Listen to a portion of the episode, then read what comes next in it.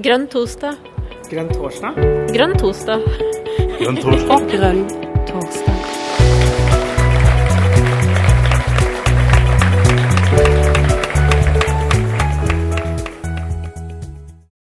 Velkommen.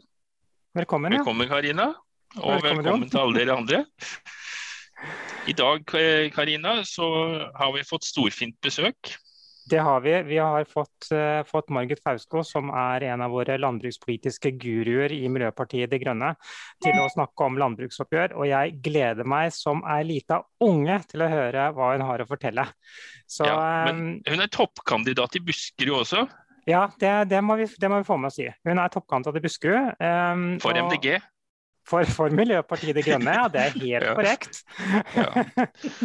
Og så har hun vokst opp opp i eh, Hemsedal.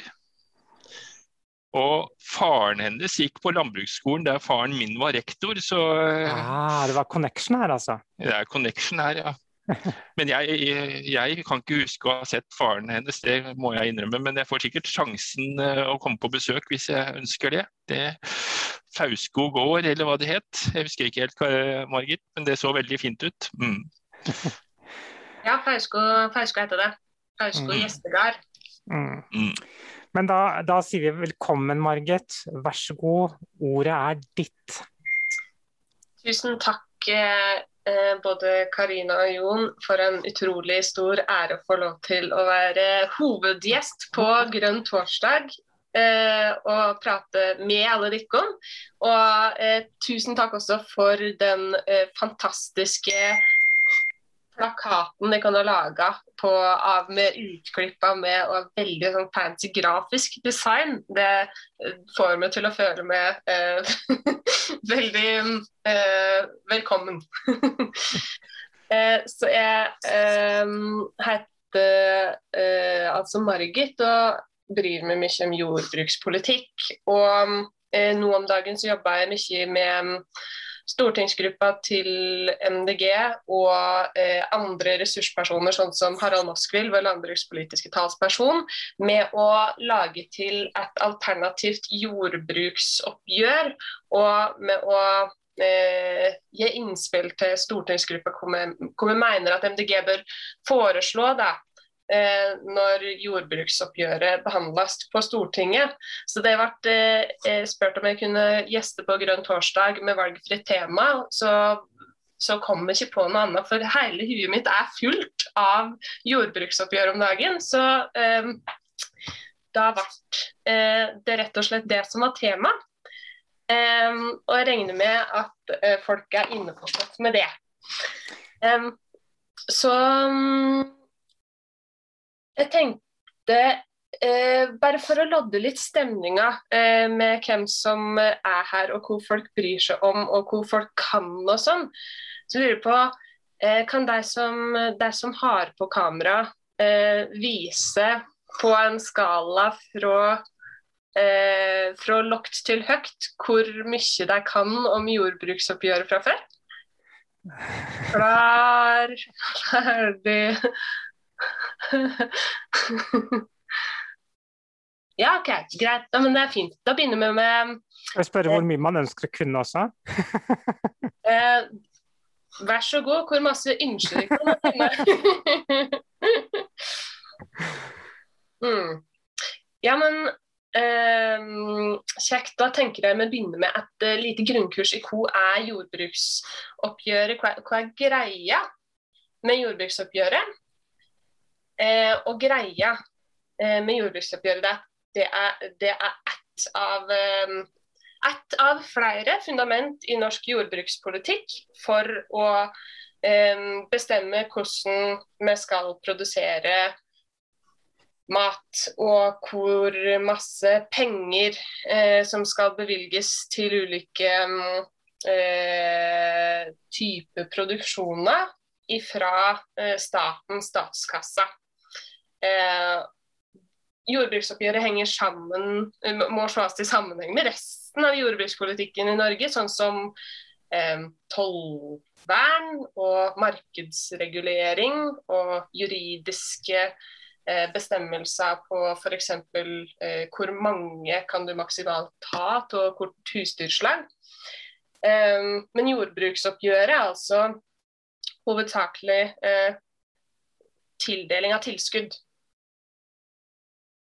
Og um, kort, uh, det er en tildeling av tilskudd som skjer hvert eneste år. Og det er også uh, det her med å ha jordbruksforhandlinger der bøndene uh, forhandler med staten. Det er også en ting som er ganske unikt for Norge, og ikke, ikke sånn i alle land i, i hvert fall.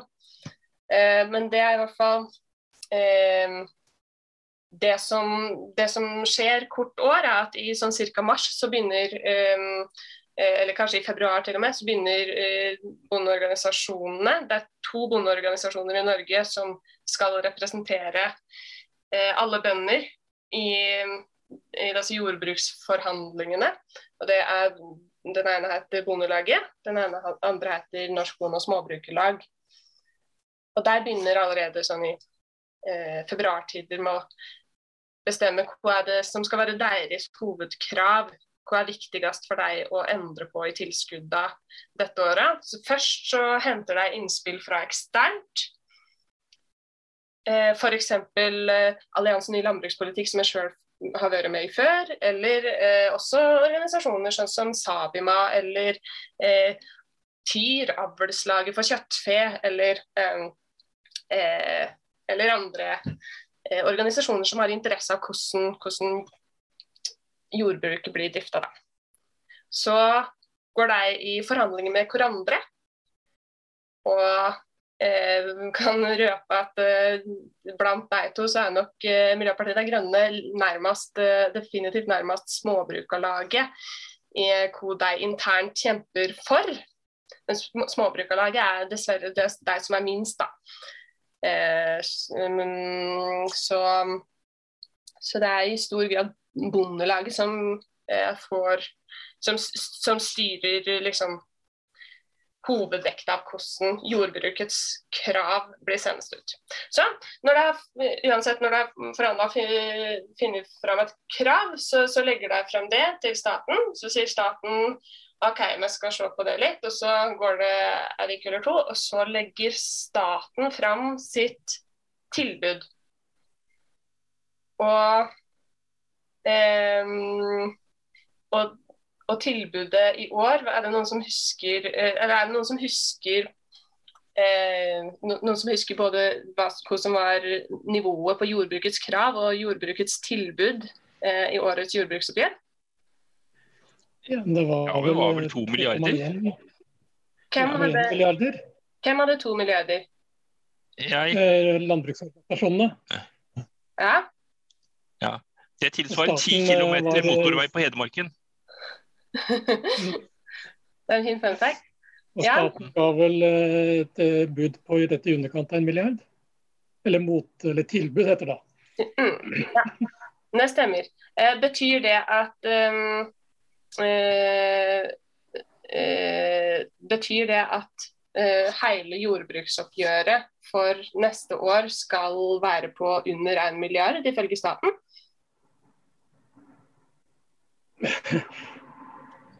Nei, men Det spørs om du trekker inn alle de andre tinga, for det er jo andre støtteordninger også, ikke sant?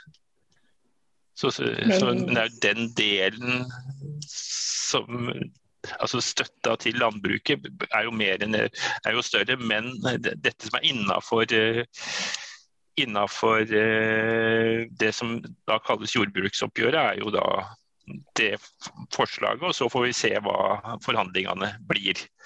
Og hvor mye uro bøndene skaper. Hvor mye møkkelass som blir dumpa foran Stortinget og diverse andre steder. Ja, det kan du si. Det kan du si. Um, men um, uh, det, det, var kanskje et litt lurespørsmål uh, det stilte nå. ja, uh, det er jo lett å tro at det handler om at jordbruket totalt sett skal få to milliarder eller 900 millioner, og at det er liksom dobbelt så masse totalt sett. Men det derfor handler om, akkurat det tallene der, det handler om hva som skal komme i tillegg til det som var i fjor. Hvor masse skal jordbruksramma øke? Ramma fra før er på ca. 15 milliarder. Så det er spørsmål skal den være på 17 eller skal den være på litt under 16. Så, eh, så, så det er ganske masse mer penger i potten, da. Eh, men det er i hvert fall en ting å ta med seg. at og så er den eh, mest vesentlige delen, eh, spør du meg om i jordbruksforhandlingene, er ikke egentlig hvor masse penger får jordbruket. Og jordbruket kan få eh, altså den, den ramma som det krevde eh, med økte midler på to milliarder. altså der, der, kunne, der kunne bedt om fem milliarder eller til og med ti milliarder. Og jordbruket ville fortsatt hatt økonomiske problemer eh, dersom innretninga fortsetter å være dårlig. Så det er helt sentralt i jordbrukets økonomi. Det er også hvordan innretter du um, virkemidlet. Og det er ikke heller bare sentralt for uh, jordbrukets økonomi, men for hvordan jordbruket leverer på sine samfunnsoppdrag. Er det noen her som vet hva som er jordbrukets vedtatte samfunnsoppdrag? Det er fire hovedmåla for jordbruket som Stortinget har vedtatt?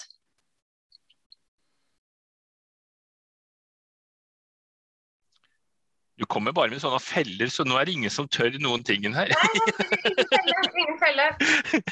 Det her er det... Det bør jo være litt matproduksjon her. Ja. Det kan være formulert på en annen måte, kanskje, men uh... Det må jo ha noe med mattrygghet eller matsikkerhet eller noe sånt å gjøre? Burde det ikke det? Beredskapsrelatert, ja. Ja. Mm. ja. ja. men det er det ene. Eh, der kaller det selvforsyning. De kaller det sjølforsyning. Ja, det er litt uh, begreper som brukes som ulike ting, men ja, det, det, det er det var Eh, det var for et par år siden da Jon Georg Dale skulle lage en ny jordbruksmelding og vedta liksom, hva er det Stortinget skal forvente av jordbruket, så var hans opprinnelige forslag at hovedmålet med norsk jordbruk skulle være kostnadseffektiv eh, At jordbruket skulle være kostnadseffektivt. Og det skulle være et mål i seg sjøl. Og så var, var det en kamp som både jordbruket tok og resten av Stortinget, at nei, hovedmålet til jordbruket må da være å produsere mat. Ja. Men eh, politikken derimot, den har nok blitt eh, dreid som om, den, eh, som om det var eh, Jon Georg Dale sitt eh, hovedmål som blei som er blitt hovedmålet, altså kostnadseffektivisering. Og det, det, har begynt også lenge før Frp. Men ja. Det er fire hovedmål. Altså økt selvforsyning, og så er det eh, eh, levende kulturlandskap og eh, liksom, ja, økt biologisk mangfold. Så er det landbruk over hele landet eh, og, og, og bosetting med det. Og så er det økt verdiskaping. Så eh, det er meninga at jord, virkemidlene i jordbrukspolitikken skal innrettes for å innfri disse målene. Og Derfor syns jeg det er ganske rart at vi er på en kurs der alle de måla går, går feil vei. Selvforsyninga blir svekka, og Eh, og, og, jordbruket blir sentralisert, sånn at eh, det blir færre, større gårder. Det svekker bosettinga. Kulturlandskapene gror att fordi kyrne heller eter kraftfôr om ikke importert kraftfôr. Og eh, verdiskapinga, kan du si, hvor, hvor, hvor ligger i det? Men eh, jeg vil si at vi definitivt har et veldig stort potensial for å bli bedre på eh, produktutvikling og matmangfold og matkultur. Og, eh, og gjøre mer også økonomisk ut av den maten vi produserer eh, i dag. Så Margit, ja. Eh, eh, er det Stortinget som har vedtatt disse fire punktene, eller er det næringa? Det er Stortinget. Ja. Så da, ja, da, da, er, de, da er, jeg enig. Ja. Mm. Ja.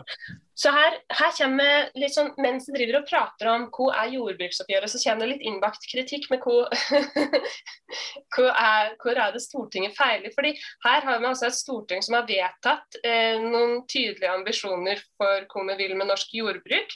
Og det er eh, Stortingets plikt å følge opp med midler og med politikk som gjør at jordbruk kan innfri Stortingets vedtatte krav. Derfor er det forbausende at Stortinget bryr seg så lite om hva som skjer i jordbruksoppgjøret, hva som skjer i jordbruksforhandlingene. Eh, fordi Det som er vanlig, er altså at det er forhandlinger, først mellom Bondelaget så mellom Bondelaget og statens forhandlingspartner. Og så lager de en sånn avtale som, som eh, de ofte skriver under. Eh, og av og til bryter. I år så har de brutt. Men eh, standardløpet er at de skriver under, og så sender de det til Stortinget. Mm, og det som er det veldig merkelige i norsk politikk, er at Stortinget da bare sier OK. De, ser ikke engang på om eh, gjør med, gjør med mer av det som gjør at Stortingets krav blir innfridd har med tiltak som gjør at soyaforbruket går ned og beitebruken går opp? Har, har liksom hvordan, hvordan, hvordan, blir folket sine interesser for biologisk mangfold og matsikkerhet ivaretatt av dette her? For, for det, det, er det ingen garanti eh, for. Særlig ikke når du har en regjering som er interessert i å bruke minst mulig penger på jordbruksoppgjøret, og når du har et jordbruk som Satt på spissen, så er jordbruksoppgjøret det er jordbrukets lønnsforhandlinger. Det er ingen garanti for at jordbruket har en stor interesse av at eh, biomangfold og selvforsyning skal opp. De bryr seg mest om sin lommebok. Um, og det har de sin fulle rett til, men det er derfor Stortinget har et ansvar for å se etter at det eh, jordbruksoppgjøret foreslår, faktisk innfrir eh, det er vedtatte måla for Stortinget. Og det er det ikke noen kultur for eh, på Stortinget i dag. Og det er en av tinga som har frustrert meg mest i hele, det, hele min eh, politiske karriere, eller hva en skal si. Så, eh, og en av grunnene til at jeg sjøl tenkte at nå, nå, må jeg stille til valg. Jeg, jeg, vil inn på det tinget, sånn at jeg kan være der når det er behandling av jordbruksoppgjøret, at noen faktisk foreslår noen endringer. Ja. Så det var litt sånn kort hvor er jordbruksoppgjøret. Og jeg tenker vi kan ta noen spørsmål. For det, ja, men er det noen spørsmål? om eh, hvor er jordbruksoppgjøret. Og, og, for nå skal jeg snart videre til eh, hvordan eh, hvordan kunne jordbruksoppgjøret sett ut? Hvordan vil vi eh, grønne at det skal se ut? Før du går videre med det, for det gleder jeg meg virkelig til at du går videre med, så, så har jo Sigve her skrevet i chatten hvilke hovedprioriteringer som er i årets krav. Og det er én, redusere inntektsgapet. To, fra bås til løsdrift, investeringspakke for eh, melk- og storfekjøttproduksjon. Eh, tre, økt norskandel. Fire, styrke velferdsordningene. Og fem, klimavennlig og bærekraftig matproduksjon. Har du noen kommentarer til disse fem punktene?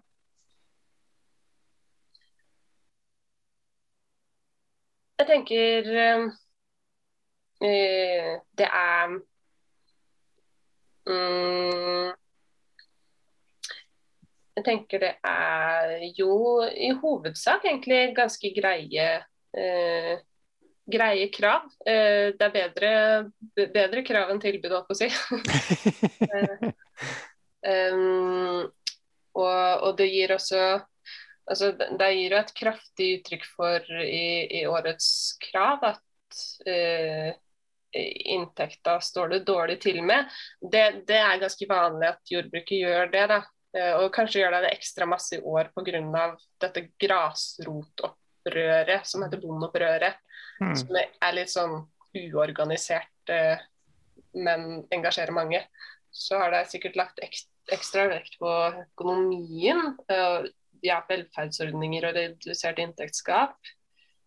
Men eh, ja, samtidig så er jo jo kommentere at eh, kravet, er, eh, kravet var ganske lavt. Mm. Vil jeg si. Og ambisjonene for eh, å dekke inntektsgapet kunne vært høyere. Um, men det har lagt seg på en ganske moderat linje med å dekke inntektsgapet med bare 30 000 um, når det er et gap på 150 000. Nå prater man mm. altså om inntektsgap i liksom, Så det er et moderat krav egentlig i forhold til de, det de egentlig ønsker å oppnå? For å ta en uh, historisk uh, sammenligning, så var det um, en gang på 70-tallet så gjorde de noe som het opptrappingsvedtaket. Da sto det litt dårlig til med jordbruksøkonomien. Og så fant jeg ut at nå, nå har vi penger til det, og, og bøndene hadde lyst til det. Så det krevde, krevde vesentlig bedre betalt, og, og, samfunnet hadde lyst til å betale for det. Eh, da fikk de tilsvarende liksom 2021-kroner fikk de 9 milliarder i ramme. Mm. I økt ramme. Ja, nettopp. Så det er noen som drar sammenligninger dit og syns at det er tafatt, en tafatt forhandlingsgjeng som skal forhandle på vegne av, så mister de trua. Ja, men altså, Det må jeg si om norske bønder. De er jo veldig, veldig høflige. Altså, Når de slenger dritt utenfor statsrådens kontor, så gjør de det på en presenning, slik at det er lett å rydde opp. Eh, og det er jo veldig, veldig høflig gjort. når man først Men Karina, eh, Gunn Kari har prøver å få ordet, og du bare skravler i vei. jeg tenkte jeg skulle gi henne ordet nå. Vær så god, Gunn Kari. Du kan få, få slippe til. Takk. Veldig spennende tema. Jeg kan altfor lite om det. Men jeg googla litt disse fem, disse fem samfunnsoppdragområdene som regjeringen og Stortinget vedtok for et par år siden. Og, Hva er feil? Det er, det er, noe med det analytiske fundament. Det ser ut til at de tallene jeg fikk opp fra SSB, viser at det er eh, selvforsyningsgraden ikke var gått ned de siste ti åra. Og verdiskapingen har gått kraftig opp, og produktiviteten har gått enormt opp i jordbruket de siste åra. Men nå skal det settes ned en tallkommisjon som skal gjøre den analysen og bli enige om tallene. Så jeg det var en del av hun Bollestad ga det. Men det er jo kanskje min betraktning er viktig at vi ikke bare svartmaler alt sammen. For det var en enorm Ja, takk. Mm. Takk skal du ha, Gunn Kari. Margit? Um, jeg vil kommentere på det og um, Min hovedkommentar der er at jeg mener regjeringa trikser med tallene. Det er trikser med tallene på inntekt. Uh, for um, Og det er jo en av hovedgrunnene til at man har et bondeopprør. Det er at uh, gjeld og kostnader eh, til Økte kostnader til leie av jord og kvoter som har kommet med sentralisering av det kommer ikke med. Eh, så, så, regnskapet ser ikke så vakkert ut i virkeligheten som det det er. Og den samla gjelda i jordbruket den er jo høyere enn den samla eh, inntekta eh, i løpet av et år. Så, så det, er litt, det er en litt dystrere eh, virkelighet enn uh, en det regjeringa legger fram på inntekt. Og det er også det på selvforsyning. Og her uh, kommer et veldig, veldig viktig poeng som, som skal stilles som et spørsmål. når regjeringa sier at selvforsyninga er 50% tror de ikke at det inkluderer eller ekskluderer soya fra Brasil og korn fra Russland og eh, raps fra EU som norske husdyr spiser. Nei, det gjør ikke det. Nei, det gjør ikke det. Nei. Nei, for den, den selvforsyninga ses på som om det en, eh, et stykke storfe spiser, da er det storfe selvforsynt i Norge. Uansett hvor fôret kommer fra.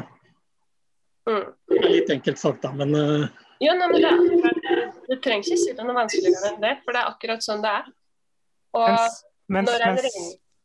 jeg vil bare hilse på Dagros, eh, som er i bildet til Bjørn Nylander her, som eh, er ute og koser seg med kyrne sine. Ja, så fint. Eh, Beklager den. eh, eh, Men det var veldig fint, eh, Bjørn. Takk for at du viste oss. Eh, Margit, beklager. Mm. Oh. Eh, og så har vært og helst på kyr i dag, i tillegg til gris, eh, utegris. Eh, og det er jo eh, kjekt å eh, kjekt å helse litt på disse dyra som man bryr seg om hvordan de skal ha det og hvor de skal ete. Og ja, eh, tilbake til det med selvforsyning.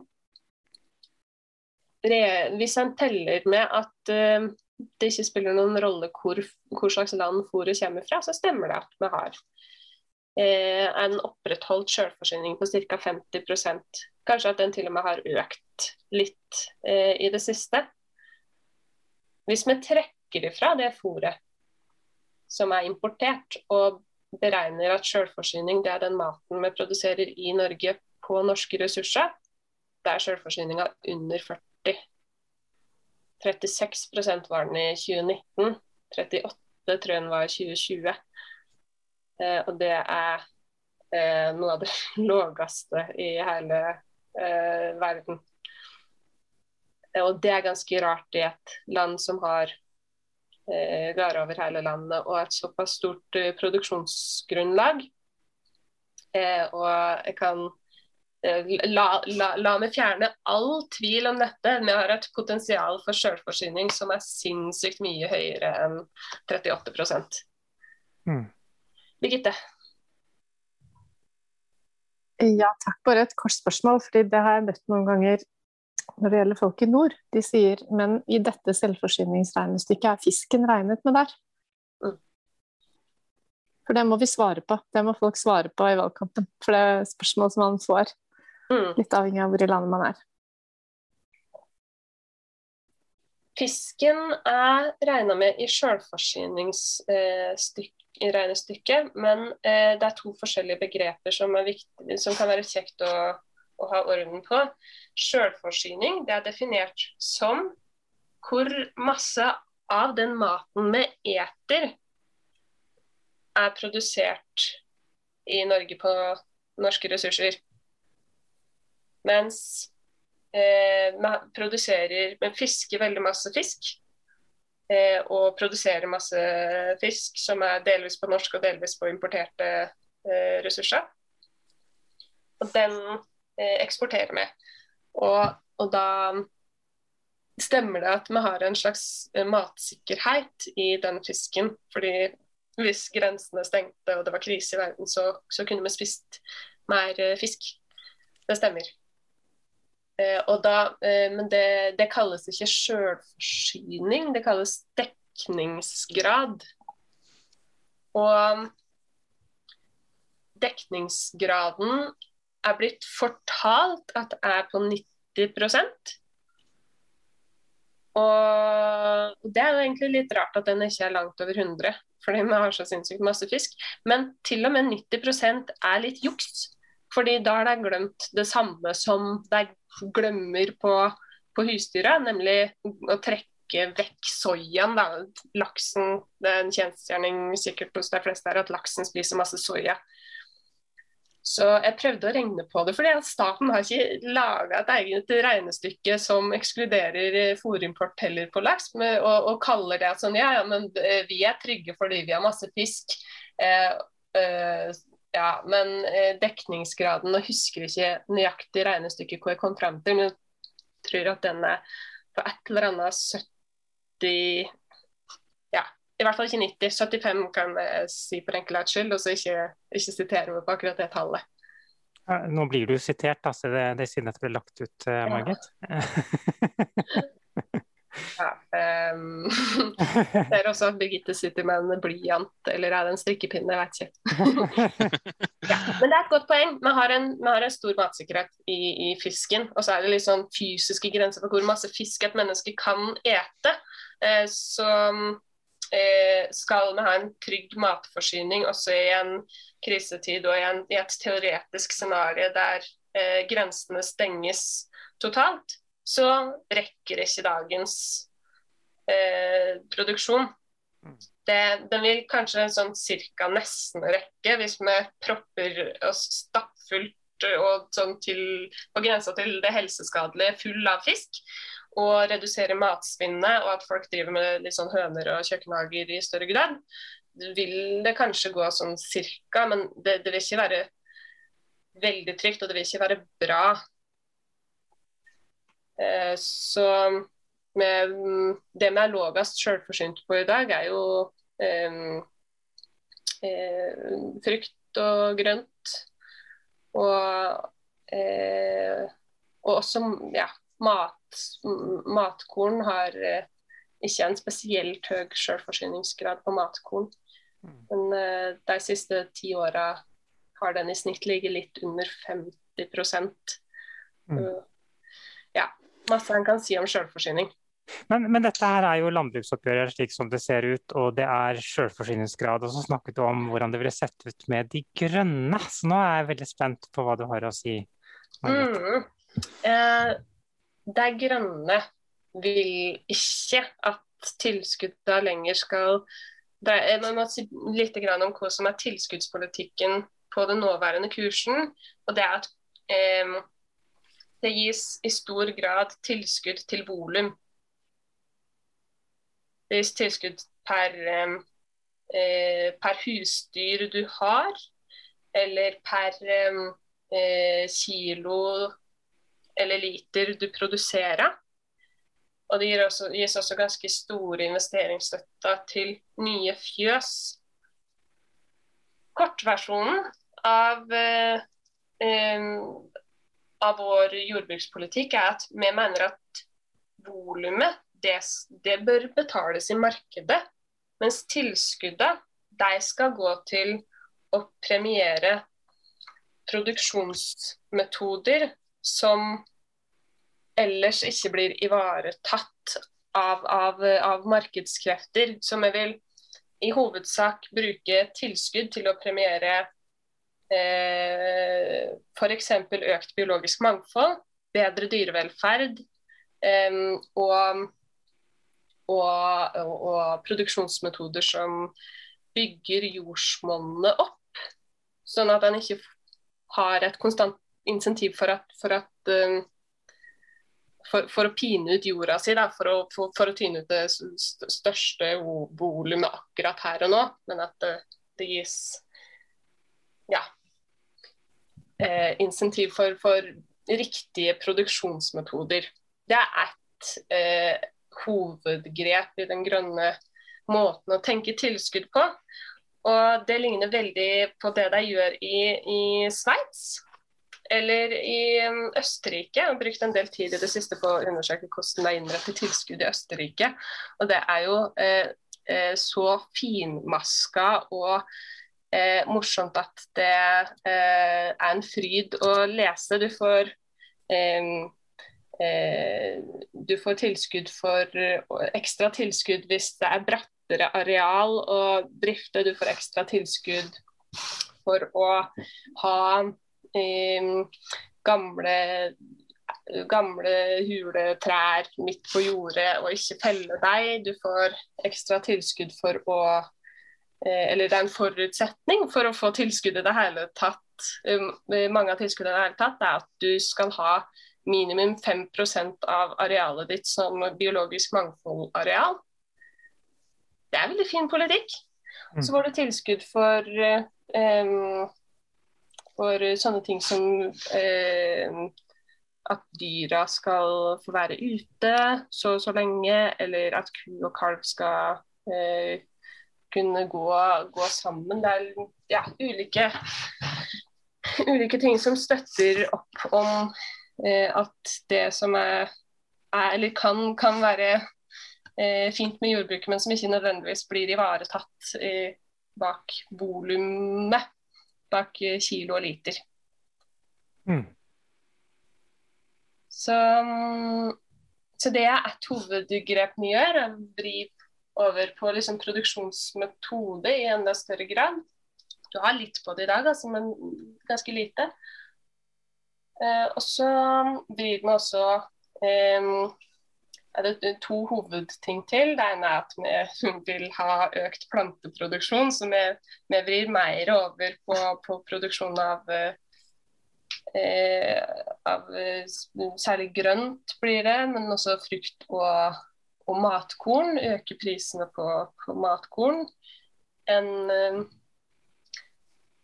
enn det regjeringa gjør og enn det bøndene selv foreslår. Og så Den siste tingen er at vi omfordeler til fordel for um, små produsenter. Små og mellomstore produsenter. Så vi bruker ulike tilskuddstak for å begrense sånn at hvis du er mer enn så og så stor, da, da, da skal ikke det være tilskuddene som drifter som holder det i live, da, da, må du i så fall være, være sjølgående og, og, ta ut det i form av stordriftsfordeler. Um, mens uh, er, er, små, det er for mer av kaka med vår politikk. Uh, en ting som er gjort som er utrolig dyrt, det er å fjerne det såkalte bunnfradraget. For det er et bunnfradrag som gjør at du de første 6000 kronene de får ikke bonden i dag. Um, som er bare sånn ja, teit politikk uh, som, som, rammer hardest de små bøndene, da. Så Det var litt spesielt. Altså, man sier du skal få så mye penger, men vi trekker fra 26 000 før du får dem. Det er det man sier? 6000, ikke 26. Ja, ok, det var litt, litt, litt bedre da, men likevel. Ja. Ja, um, ja det, er litt, det er litt rar politikk, men det er eh, Framtidsbonden til eh, Erna Solberg er jo eh, en som har eh, eh mjølkerobot og 100 kyr og eh, ja, ikke, ikke drive med sånn dilldall, sånn hobbyjordbruk. Hobby det, er, det er mange som ser liksom typisk økonom egentlig, og se litt ned på det å drive smått. Og drifte en jordbrukspolitikk etter prinsippet 'get big or get out'. Mm. Det er et begrep fra USA. Og, eh, og også tett kobla opp mot Sylvi Listhaug og reformene hun gjorde i 2014, som til de grader favoriserte de store enda mye mer enn før. Så, eh, så men, men, det som er, det som er liksom dust, vet du, det er at de økonomene ser jo ikke, ser jo ikke på hele verdiskapinga for landet som jordbruket får, og, og hvor, hvor, positivt det kan være for jordbruket å faktisk ha små bønder, da, og små bønder som har tid til å foredle produktene sine, eller tid til å produsere på spesielle metoder som, som eh, markedet liker, som de er villige til å betale ekstra for. Og Noen eksempel på det som, er, som de er kjempegode på i f.eks. den fjellregionen Follarlberg i Østerrike, det er at de har eh, egne type oster som er laga av grasfora eh, økologiske kyr med horn. Med, med horn. Da, det, det, betales ekstra pris på fra meieria, fordi da har det da, Folk vil ha ost fra kyr med horn. Ja.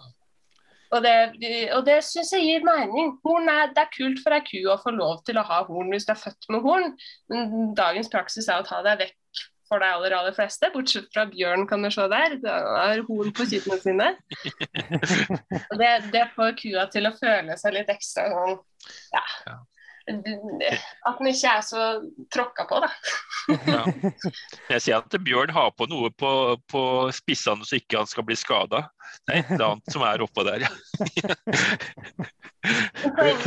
det er kronjuveler nå. Okay. Kronjuvelen, ja.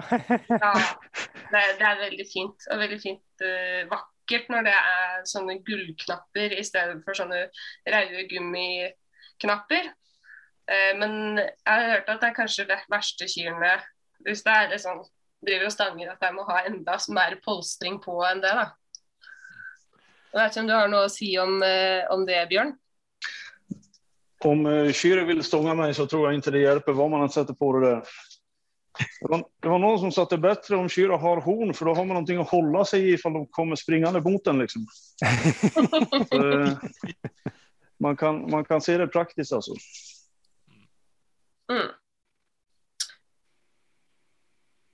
Ja, nei, det er noen som også måste, jag, måste bara flika in att många av de här stöden som du nämner, de finns ju redan i Norge och eh, de andra stöden som du nämner, de finns ju även i Sverige. För Sverige är ju med i samma EU mm, eh, som eh, Schweiz och Österrike. Men eh,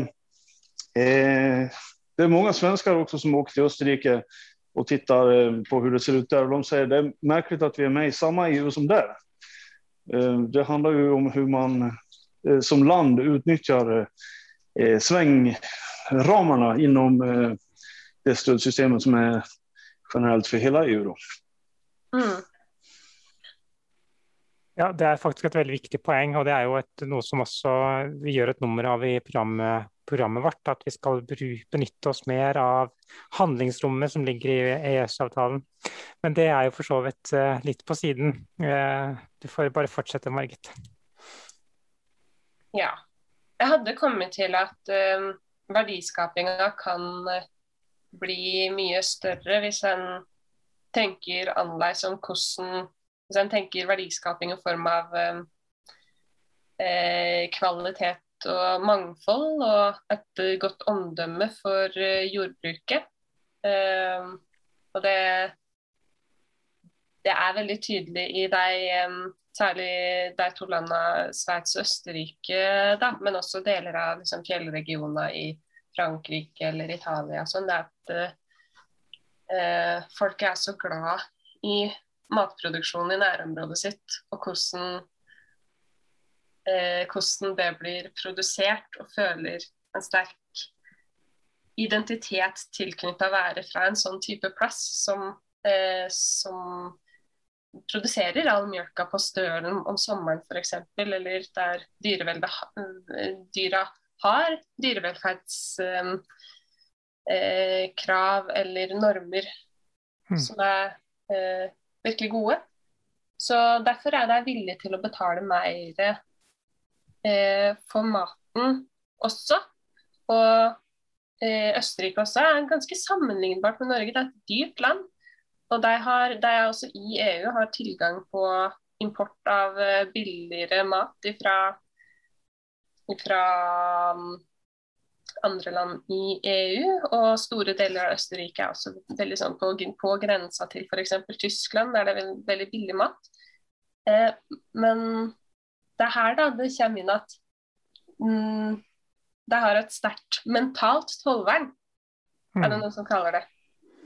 Og Det er nesten litt uglesett å, å harryhandle. Altså det, det forekommer, men i mindre grad enn i Norge. Og jeg er veldig redd for at vi fortsetter å prøve å konkurrere om å være best på pris. Og så taper vi den konkurransen, og samtidig som vi taper den, den konkurransen, så ødelegger vi sjarmen med norsk jordbruk. Og så taper vi konkurransen om kvalitet øh, også. Jeg husker jeg var eh, Det er mange mange år siden nå, da. eh, Men jeg var på språkreise til Østerrike. eh, Så det var jo ungdomsskoletiden min. Og, så det er godt mulig at det er endrede forhold der nå, men jeg husker jo at de jeg bodde hos, var jo ekstremt stolte av den østerrikske maten. Mm. Og det passer jo med det du sier, da. Ja da. Det, det er Det er veldig det, det, det er veldig fint å være der også. Eh, Og vi har absolutt eh, mulighet for å bli like gode som Østerrike, og kanskje enda, enda bedre. Hvis vi, hvis vi satser på de riktige type tinga med, med jordbrukspolitikken. Da, men da må vi bare snu kursen helt og tilskuddssystemet helt. Så um, det vi har kommet fram til, jeg har diskutert det her en del med, med f.eks. Harald Moskvil, som er landbrukspolitisk talsperson, om hvordan den kursen vi er på, og vi har gjeldskrise og synkende selvforsyning og, um, og, og, og, sentralisering og nedlegging av bruk. Hvor det, er på en måte det, det, er en kurs, en båt da, som er så på feil kurs at det er vanskelig også å klare å flikke nevneverdig på det eh, sjøl om jeg skulle finne mange gode forslag i år. Eh, fordi det fordrer at hele virkemiddelapparatet er med på noen nye mål, eller i det minste å følge opp de målene som er vedtatt.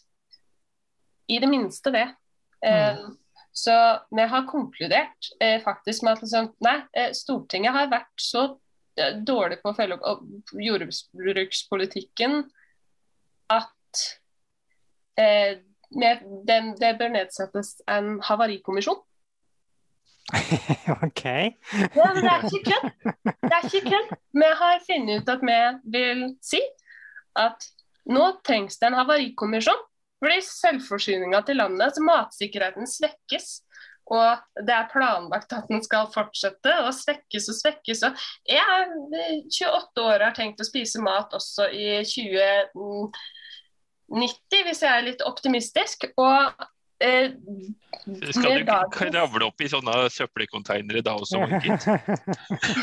da har vi forhåpentligvis klart å lage et matsystem som ikke har så masse matsvinn. Og det er også eh, en egen kategori med politikk som vi også kunne prate om. Eh, men ja. Eh, jeg tror ikke at søppelkassene skal redde meg i 2090. og jeg tror at det som skjer nå med et bondeopprør og med etter sju år med Listhaug-politikk som, som, styrer som om det var USA, på en måte, eller det er kanskje litt satt på spissen, men at det er eh, på sin plass med en havarikommisjon. Og den, den, ideen har vi testa ut på ganske mange bønder. Både bønder som eh, drifter type på den måten MDG gjerne vil, med glad utegris og eh, Eh, og økologisk mjølk med horn. Eh, og, og, på eh, initiativtakere til bondeopprøret, som i stor grad er eh, tunginvesteringsbønder som, er, som, har vært med på mølla og, og gjort som staten har sagt. Mm. Eh, alle vi har pratet med til nå, syns at det er en glimrende idé. Mm. Det er en havarikommisjon. en havarikommisjon, altså. Ja, ja, hvorfor ikke? Den er jo lett å kommunisere, åpenbart. Eh, Gunn Kari, du har rukket opp hånden. Har du ønske om å slippe til med en kommentar eller spørsmål? Spørsmål. Eh, Margit, du sier at eh, det er vedtatt politikk i Norge at eh, jordbruksproduksjon skal ned. Er det noen av de seriøse partiene på Stortinget, jeg regner ikke Frp som et så seriøst parti, eh, som mener det? Takk. alle sammen sier at selvforsyning er viktig for deg.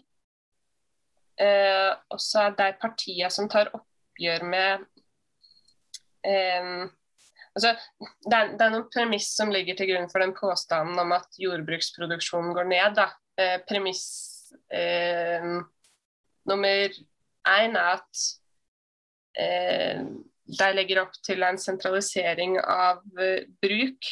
At eh, selv om de sier at de er for bruk i alle størrelser, så, så er det både lovlig og stimulert til at bruka skal bli færre og større.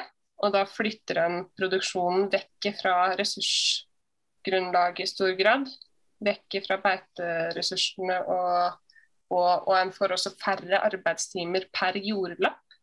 Eh, og det Eh, det er veldig mye mer som kan produseres om man bare har flere arbeidstimer per, per jordlapp. Så det ligger til grunn den, den, forståelsen der. At vi trenger flere bønder for å bruke jorda vi har på en best mulig måte.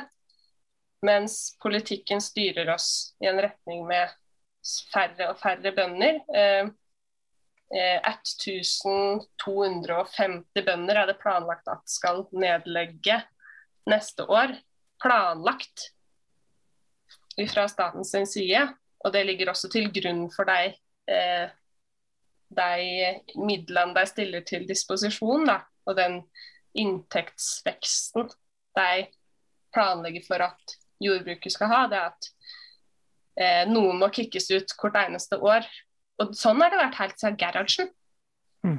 Så, eh, så Mens nå mener jeg at vi har kommet til et steg der eh, nå, nå, kan ikke det lenger være et, et mål. Vi må få flere, men Nå må vi faktisk gå litt tilbake, få litt flere bønder. Så må vi komme til en balanse der vi beholder et visst nivå med bønder. Og en jordbrukspolitikk som ikke legger opp til økt Eh, sentralisering og nedlegging. Så, og blant de seriøse partiene som vil eh, endre på eh, politikken som legger opp til sentralisering og nedlegging, så er det, det er MDG, det er SV, og det er Rødt. Ingen av de andre har Og så er det kanskje enkelt eh, medlemmer i Senterpartiet og begynt, og så har Arbeiderpartiet sin, i hvert fall sin landbrukspolitiske talsperson har begynt å snuse litt på den ideen. Mm.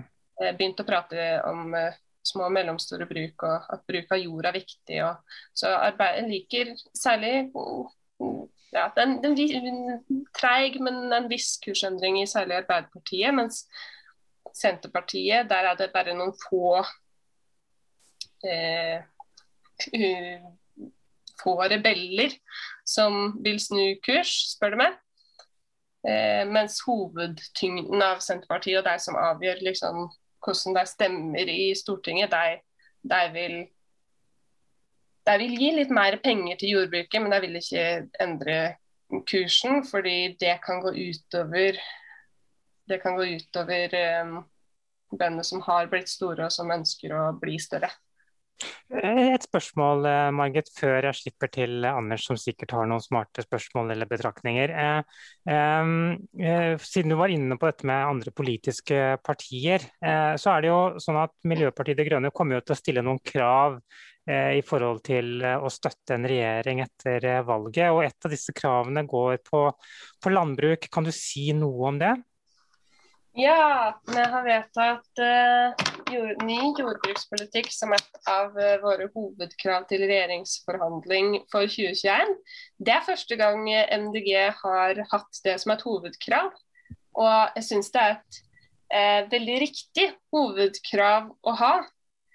Um, fordi at det handler om vår felles sikkerhet og det handler om så masse jord, god jordbrukspolitikk handler også om om eh, eh, reduserte klimagassutslipp og en større klimarobusthet og karbonbinding i jord. Og det handler om masse om biologisk mangfold, både i jordbruket, oppå jorda og under jorda, og i tilgrensende økosystem rundt jordbruket. Um, og så handler det også uh, jordbrukspolitikken i stor grad om dyrevelferd ferd som vi De Grønne er, at, uh, er stolte forkjempere for. Mm, mm. Mm. Så det vil, det vil, være, og det, og det, er veldig kult at man har det som et hovedkrav, fordi at, eh, nettopp fordi at Arbeiderpartiet driver og snuser litt sånn forsiktig på en kursendring. Og så Hvis vi kommer beinhardt inn og bare Nei, vi skal dit.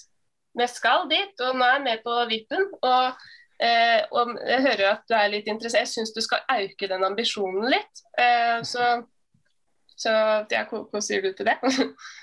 jeg, jeg vet i at du kommer til å være i det rommet der og være med på de forhandlingene hvis du får mulighet, eh, Margit. Det er jeg helt overbevist om. Eh, Anders, du har, et, eh, du har opp hånden, vær så god. Ja, jeg, jeg, kunne jo sagt veldig mye som vanlig, men uh, Nei, du tok ned hånda mi, så gjorde jeg det òg. Sånn. Men jeg skal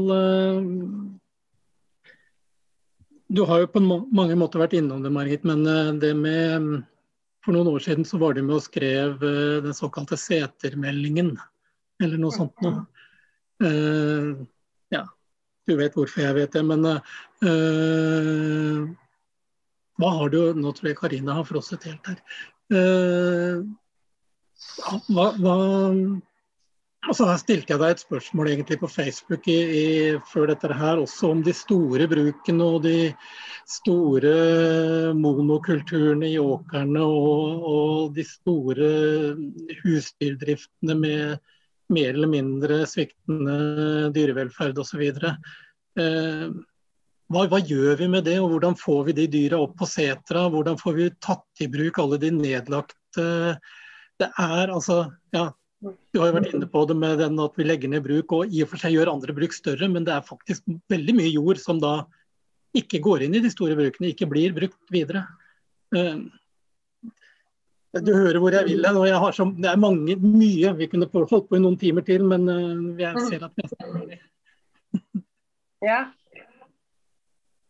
Eh, det stemmer at det er masse dyr som går ut av drift. Og det er både utmark som er ute av drift, men bruker bare en tredjedel cirka, av de utmarksressursene vi har i landet. Og eh, forrige gang jeg sjekka, så er eh, kategorien innmarksbeite, der er 17 eh, ikke søkt produksjonstilskudd for å ha antatt ute av drift. 17% av innmarksbeitene, som altså er innmark som ikke kan høstes maskinelt. Eh, og det, det, er ressurser som vi kan bruke til å øke norsk selvforsyning og biologisk mangfold og karbonbinding i jord eh, hvis vi driver f.eks. stølsdrift. Eh, men det forutsetter en spredt produksjonsstruktur. Spørsmålet du stiller som er veldig vanskelig, det er jo det med hva gjør vi med de strukturene som er etablerte eh, allerede, som, som eh, jeg mener kanskje er for store. Um, der tenker jeg at eh, eh, for det første at det at det fins, eh, må ikke være et argument for å ikke snu kurs. Det er det det er for de fleste. Det er det, det, som er det er det som er grunnen for at Senterpartiet ikke er for en mer progressiv jordbrukspolitikk. Men eh, for oss er ikke det eh, et argument for at vi ikke skal snu, vi ikke skal snu kursen. Um, og jeg tenker også at ganske mange, ganske, ganske mange av de som har um, investert i store fjøs, kan faktisk fortsette og drifte i det fjøsa. Bare, eh, bare at eh, de må slutte å bruke så sinnssykt masse kraftfôr. At vi skal gi dem økonomi til å bruke grovfòrressursene bedre igjen. Og F.eks. i Hemsedal, der jeg kommer fra, så er det store samdriftsfjøs. Men det er jo eh, mange bønder per sam samdriftsfjøs, så det er ikke utenkelig at selv om de driver samdrift på vinteren, så kan de drive hvor sin støl på sommeren. Mm. Eller ha en fellesseter. Um, så det, jeg tenker meg at vi skal ikke svartmale uh, muligheten som ligger i å forbedre produksjonen i, det, i, den bygningsmassen som er blitt investert i.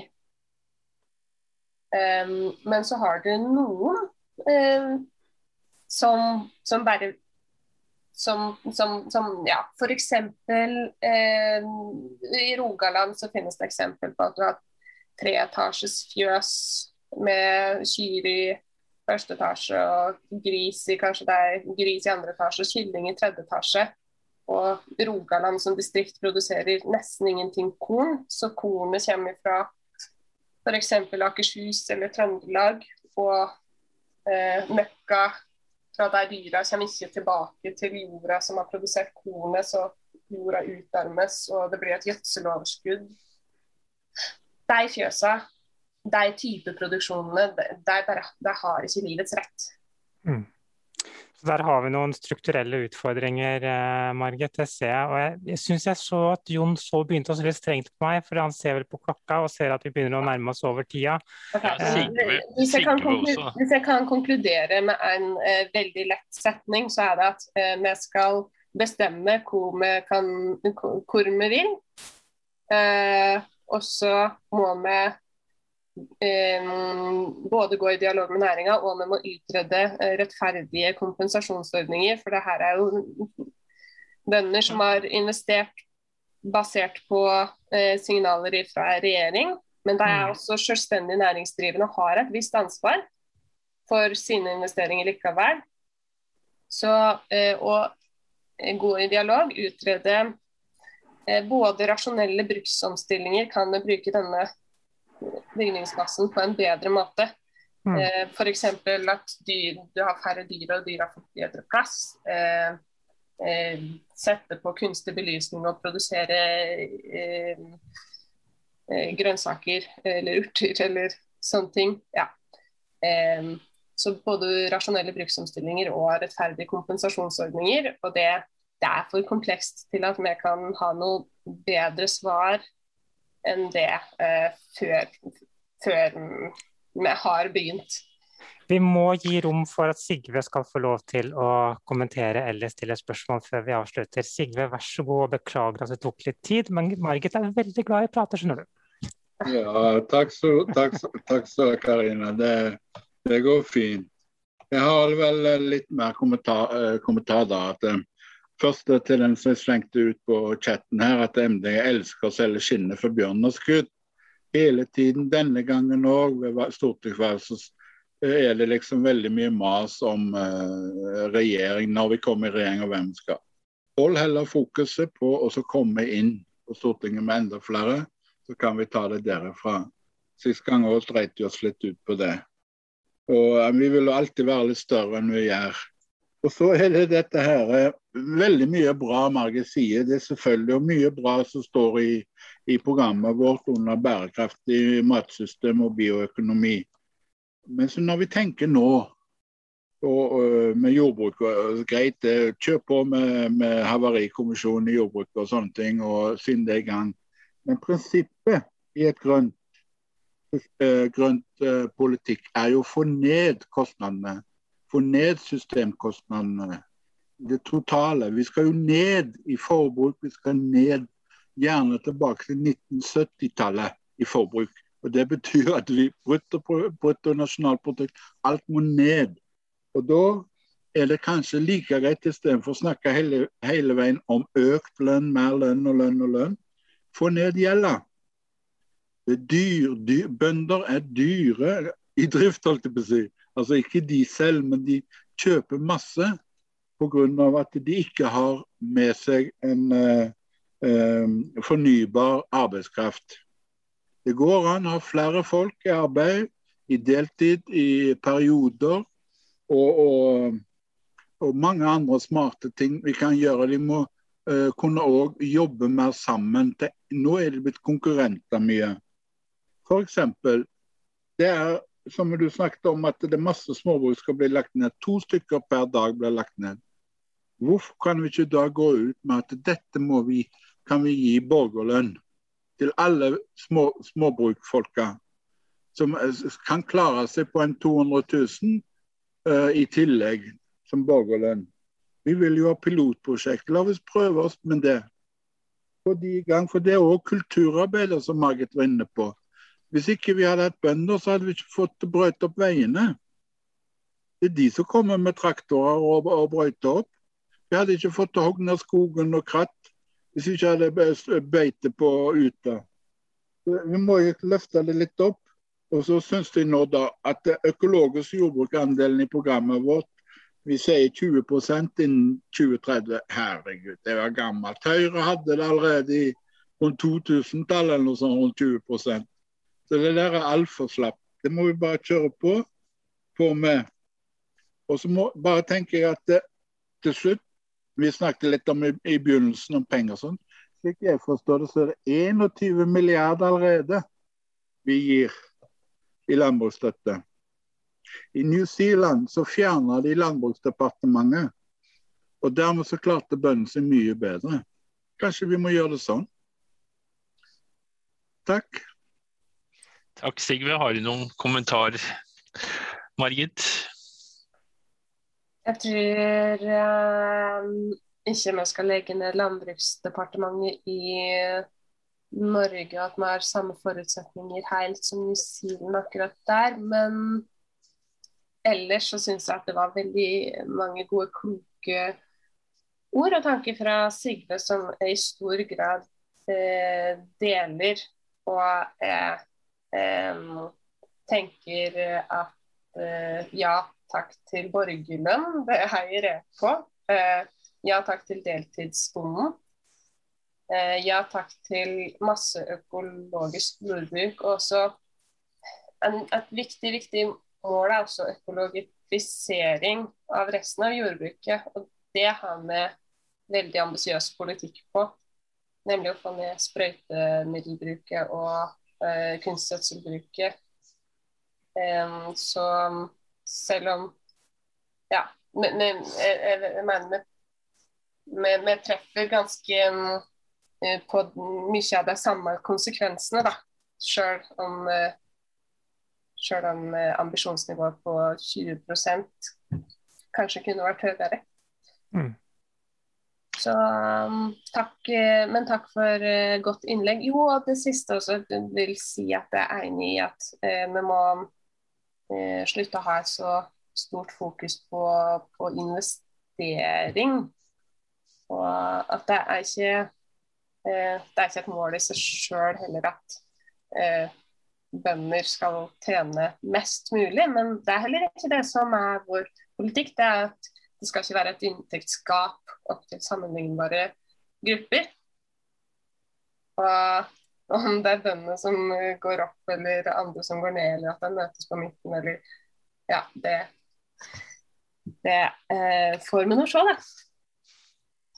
Tusen, tusen, takk, eh, Margit, for en eh, engasjert og spennende og kunnskapsrik eh, introduksjon til jordbruksoppgjøret og en del andre ting relatert til dette. Og takk til dere andre som da har eh, bidratt og bare sittet og hørt på også. Det er veldig bra at dere kommer, og det håper jeg at eh, dere gjør neste torsdag også. Men da vet vi faktisk ikke hva som skjer, tror jeg.